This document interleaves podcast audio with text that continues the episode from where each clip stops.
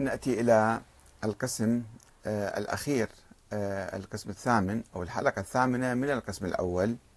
الروايات السنية التي يتشبث بها بعض الشيعة في موضوع الهجوم على بيت الزهراء واستخراج الإمام علي وإجباره على بيعة أبي بكر. هاي الأسطورة كيف تألفت وكيف تضخمت وبعدين نجي إلى الأحاديث الشيعية أو الروايات الشيعية. آه، الرواية الأخيرة هذه آه، معروفة برواية الشهرستاني عن النظام.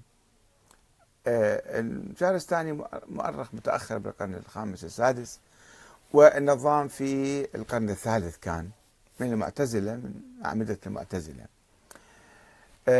نشوف واحد الآن معاصر اسمه محمد الشهرودي.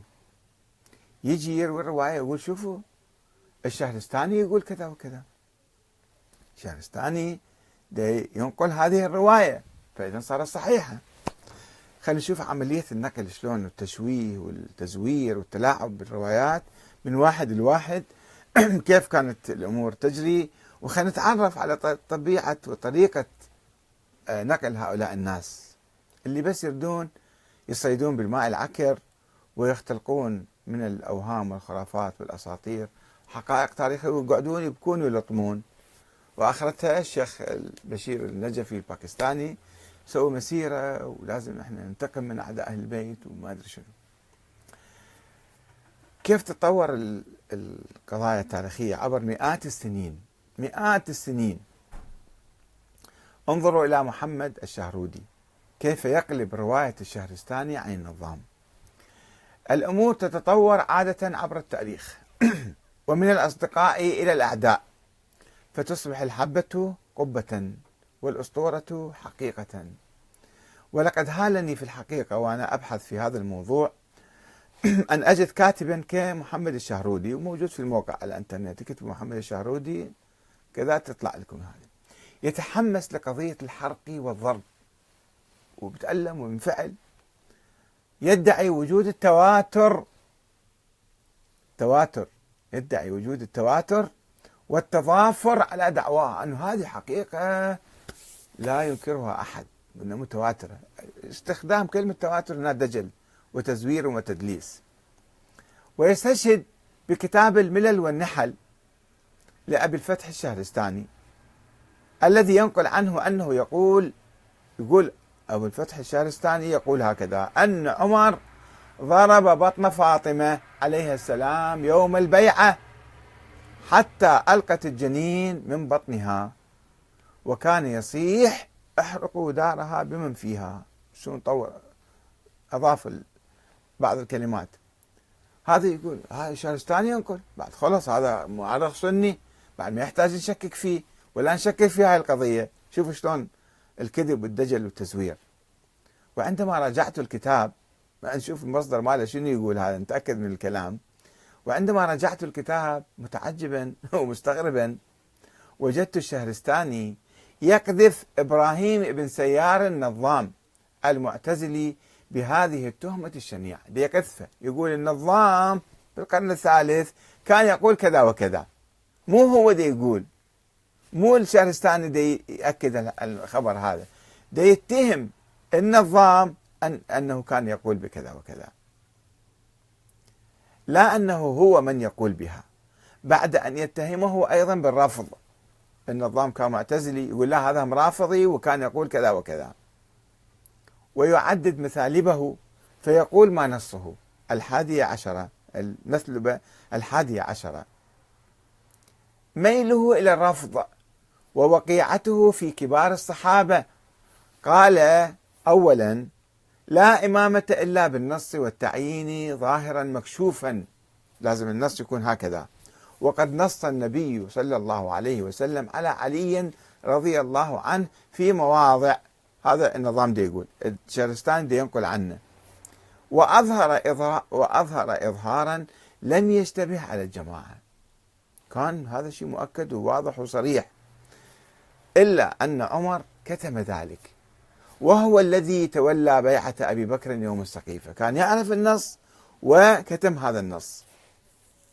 وإلى أن يقول وزاد في الفرية فقال هذا الشهرستاني يتهم النظام وزاد في الفرية فقال إن عمر ضرب بطن فاطمة يوم البيعة حتى علقت الجنين من بطنها وكان يصيح أحرقوا دارها بمن فيها وما كان في الدار غير علي وفاطمة والحسن والحسين. شفت شلون هذا عمر كان ما عنده دين يعني؟ هذا الشهرستاني ينقل الكلام في كتابه الملل والنحل الجزء الأول الباب الأول المسلمون الفصل الأول المعتزلة ثلاثة النظامية. وقد ردد الصفدي في القرن السابع الهجري هذه التهم في كتابه الوافي بالوفيات. هم ذكر عن النظام أن يقول كذا وكذا. معذرة. وبغض النظر عن صحة التهم التي يوجهها الشهرستاني إلى النظام من إذا النظام؟ قال هالكلام أو لم يقله قبل مئات السنين. أو عدم ذلك فإن مجرد نقل أي كاتب لأي خبر حتى لو كان عاريا من الدليل لا يجعله صحيحا وصادقا ومتواترا. هذا محمد الشهرودي قال لا هذا صار خبر متواتر قطعي لأن السنة ديروا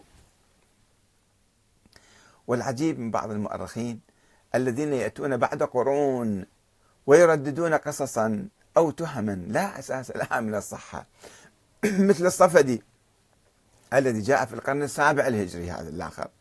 وردد تلك التهم الغريبة ضد النظام في كتابه الوافي بالوفيات دون دليل ولا سند. بس يقول النظام قال كذا وكذا. ما أرخص الاتهامات. والأعجب منه أن يأتي آخرون فيجعلون أقواله حجة فيما يذهبون. فيصدقون تلك التهم الباطلة التي لا أساس لها من الصحة ويجعلون منها دليلا لاتهام خيار الصحابة وعظمائهم مثل الخليفة الراشد عمر بن الخطاب رضي الله عنه. مع الأسف جماعتنا الآن لا يجتهدون لا يحققون لا يبحثون لا يدققون لا يقرؤون التاريخ ولا يعرفون أي شيء. كم مسألة فقهية يقرأها صار لك مجتهد وآية الله العظمى وصار مرجع أعلى. إن حدثا جزئيا كموضوع كشف بيت فاطمة الزهراء على فرض صحته وإخراج من تحصن فيه من الصحابة وإجبارهم على البيعة لأبي بكر. لو ثبت ذلك لو ثبت ذلك كان يمكن أن يطوى مع التاريخ ويذهب مع الزمان في خضم الأحداث. والتطورات الكبرى الإيجابية والسلبية التي أعقبت ذلك ولم يصبح عقيدة. ليش الآن الجماعة جماعتنا بعض المتطرفين والغلاة والمتخلفين الشيعة متمسكين بهاي القصص وقايمين قاعدين يلطمون ويبكون ويصيحون؟ لأنه القضية هي فرع لقضية أخرى أساسية عندهم اللي هي قضية النص على الإمام علي بن طالب. إذا كان أكو نص على ابن أبي طالب فشلون الإمام علي يروح يبايع أبو بكر وعمر؟ إلا لازم نقول بالقسر والإكراه والإجبار أخذوه. ونألف القصص؟ واقتحموا البيت وهددوا وكذا وأخذوه حتى يبايع قسرا فنسوي عقيدة اسمها عقيدة النص والإمامة بالنص وتجي بالوراثة وتتسلسل وبعدين تنقطع هاي النظرية. توصل للإمام الحادي عشر تنقطع ما عنده أولاد يموت وخلاص تنقطع الإمامة. ونسويها عقيدة ونظل نعيش عليها إلى اليوم. وإلى يوم القيامة نقعد نلطم. يا شنو؟ الإمام علي أخذوه سووا له شكل يقتحموا بيت الزهراء. وإذا كنت تحب الزهراء وتحب أهل البيت وتواليهم فيجب أن تتعاطف وتبكي وتلطم وتمشي مسيرات تمشي مسيرات بالشوارع حتى تثبت ولائك لأهل البيت. ولا أهل البيت موجودين الآن ولا راح نقدم ولا نأخر بالتاريخ. بس من قلة عقل عقلنا. إحنا مسلمين. إحنا عايشين بالماضي السحيق وما نلتفت إلى مشاكلنا وقضايانا ونهدد الوحدة الوطنية مالتنا ونسوي الناس شيعة وسنة بهالقضايا هذه. ولا ماكو شيء ماكو شيء حتى نسوي شيعة وسنة عليه اليوم. لا الإمام علي موجود ولا أهل البيت موجودين ولا عمر أبو بكر موجودين. بس نتعارك بالتاريخ. أنه كان كذا وصار كذا ولم يكن كذا و... وبعدين شنو؟ نقوم نسب ونشتم ونلعن والآخرين مو بس يسبونا ويشتمونا ويكفرونا لا يجيبون مفخخات ويفجرونه أيضا. ونظل نعيش بهالفتنة.